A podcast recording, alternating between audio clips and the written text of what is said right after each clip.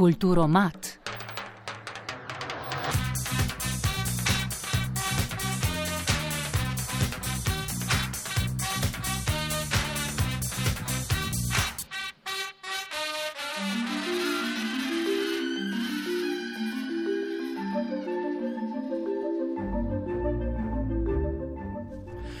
Španski novinar, profesor novinarstva in pisatelj Antonio Iturve piše za vrsto španskih časopisov in revij, prav tako pa ustvarja literaturo za odrasle in otroke. Leta 2012 je izdal knjigo z naslovom Knjižničarka iz Auschwitza, s katero je doživel mednarodni preboj in je prevedena v številne jezike. V prevodu Manice Baša pa je decembra 2020 išla pri založbi Učila. O holokaustu je sicer napisanih že veliko zgodb, veliko pa jih je skritih in čakajo, da jih nekdo zapiše. Tako se je Antonijo Iturve odločil zapisati zgodbo o najmanjši knjižnici na svetu, za katere obstoji vele malo število ljudi. V svoji knjigi, ki temelji na pričevanjih resničnih oseb, je ustvaril pripoved o deklici, ki je tvegala lastno življenje, da so knjige s svojo čudežno močjo lahko živele naprej.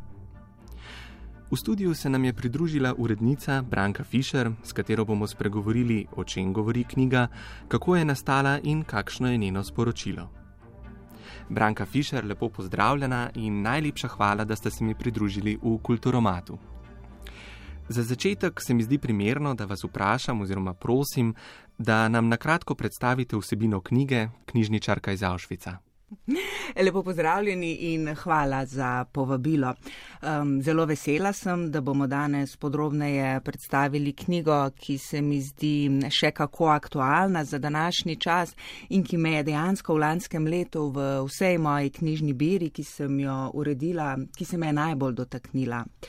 Gre za navdihujočo pripoved o mladi deklici, ki se je s knjigami zoprstavila grozotam nacizma. Deklici, ki ste že omenili, ki je tvegala lasno življenje, da so knjige svojo čudežno močjo lahko živele naprej. Protagonistka te knjige je 14-letna Dita Adler in skozi njene oči vidimo in dojemamo svet, ki jo obdaja, ki se spreminja, ki drvi v kaos dokler se ta kaos v vsej svoji grozljivosti na zadnje ne udejanji. Spremljamo jo od ranega otroštva, ko spoznavamo njeno življenje, življenje njene izobražene, dobro situirane, razgledane družine, meščanske družine v Pragi. Na obronkih pa se že začnejo kazati temni oblaki prežeče nevarnosti. Oče in mati že govorita o strašljivi pošasti, ki prihaja, ki se najavlja. Prepovedano jim je hoditi v šolo, prepovedano se jim je sprehajati v javnih parkih. Tako znano nam to zveni v tem času, kaj ne. Nositi morajo zvezdo na prsih, izolirajo jih, na to pa morajo nekega dne preprosto spakirati kočke in jih odpeljajo v judovski geto v Terezinu. To pa je zgolj neka umestna postaja, preden jih odpeljajo v Auschwitz. No, Dita že v Terezinu spozna Fredja Hirša, mladega judovskega voditelja, animatorja, športnega trenerja, ki kasneje v Auschwitzu postane vodja bloka 31. Naj tukaj omenim, da je v sklopu um, taborišča v Auschwitzu obstajalo tudi družinsko taborišče in v sklopu tega družinskega taborišča je obstajal tudi blok 31. To je bila posebna baraka, v kateri so se lahko družili otroci, da so lahko starši v mestnem času neusmerjeno garali ampak v tej baraki je bila dovoljena samo igra in pa gibanje. Šola, recimo, je bila najstrožje prepovedana. In tako se je seveda tudi v bloku 31 dogajalo marsikaj nedovoljenega, potekala je skrivna šola. Njihova najbolj oziroma najskrbneje varovana skrivnost pa je bilo osem knjig, ki jih je jetnikom uspelo pretihotapiti v barako. In skrb za nje je Fredi, že omenjeni Fredi Hirš, zaupal Diti, ki je tako postala knjižničarka v Auschwitzu. Eh, glavna junakinja knjige je torej Dita Adler, ki temelji na resnični osebi. Kako je pisatelj Antonijo Iturve zvedel za njo in kako je prišlo do nastanka te knjige? Ja, zgodba o nastanku te knjige je res uh, nadse zanimiva. Izhodišče, oziroma lahko bi rekla nek tak sprožilni moment, bi lahko iskali v knjigi Alberta Manguela Knjižnica po noči, kjer je pa zgolj bežno omenjena ta skrivna knjižnica, ki je delovala v bloku 31 družinskega taborišča Auschwitz-Birkenau. No, ta španski pisatelj Iturve je bil fasciniran nad obstojem te knjižnice, začel je raziskovati. Šel je v Auschwitz, obiskal je številne muzeje, prebral je ogromno knjig. No, med temi knjigami pa je naletel tudi na knjigo Painted Wall, ki jo je napisal Ota Kraus. Ko je skušal priti do te knjige, je uh, napisal um, elektronsko sporočilo, odgovor na nj pa mu je poslala The Kraus.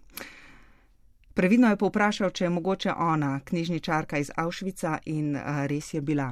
In tako se je po nekem naključju dejansko začela ta zgodba. Pisala sta si elektronska sporočila, on je spraševal, ona je gostobesedno odgovarjala in pred Iturbejem se je na tak način izrisovala slika uh, dogajanja.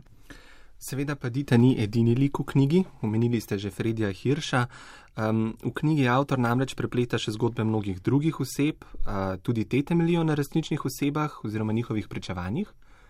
Ja, naj tukaj povdarim, da gre za literarizirano biografijo, ne pa za čisto dokumentaristiko. Uh, Iturbe je torej na urodju zgodovinskih podatkov napisal svojo zgodbo ogrodje predstavlja torej ta ditina zgodba, je pa Iturbe uh, zbiral podatke tudi iz drugih virov, raziskoval, proučeval zgodovinske uh, dokumente in tako se mu je počasi izrisala zgodba. Ampak ditina zgodba, njeno doživljanje, njeno čustvovanje, njeno navdušenje, da so jo izbrali za tako pomembno vlogo, da, kot je recimo vodenje knjižnice, da so ji torej zaupali, vse to pa je plot seveda njegove um, pisateljske domišljije.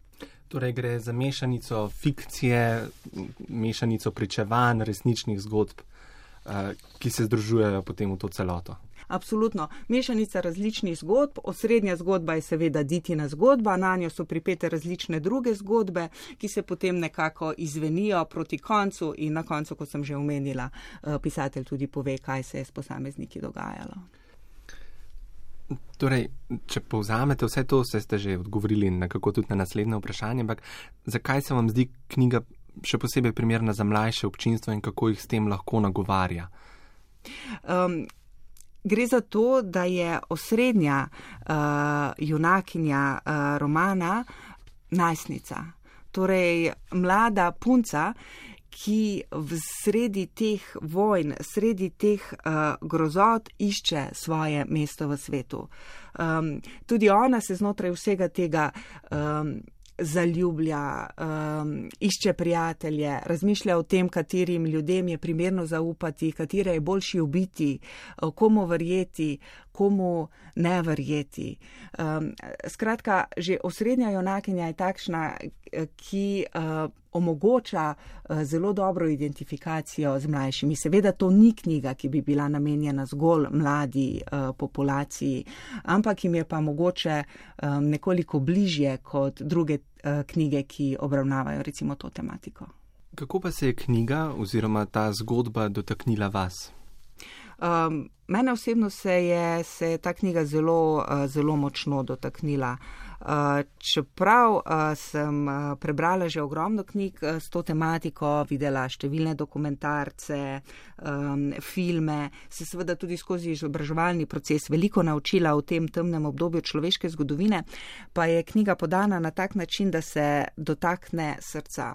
Na eni strani zaboli ta, mm, ta temna plat, ti opisi razčlovečenja, tega, kar je človek sposoben narediti sočloveku, vseh teh uh, grozot, nepredstavljive nehumanosti. Um, skozi to temo skozi to črnino dejansko pronica upanje. In čeprav je knjiga temna in težka, je po svoje optimistična in pozitivna, kaj ti govori o tem, da volje, smisla, upanja človeku ni mogoče vzeti. Lahko mu vzameš vse, ne moreš pa mu vzeti tega, kar se dogaja v njegovi glavi. Svetovi naše notranjosti so samo naši. Tja lahko pobegnemo, tam lahko najdemo smisel, upanje in izjemno pomembno se je recimo tega zavedati, še posebej zdaj recimo v času korone. Eh, Branka Fischer, najlepša hvala za ta pogovor. Upam, da se bo knjiga dotaknila marsikaterega mladega bralca, ter da zgodbo o najmanjši knjižnici na svetu in moči, ki jo imajo knjige, sliši oziroma prebere še veliko ljudi.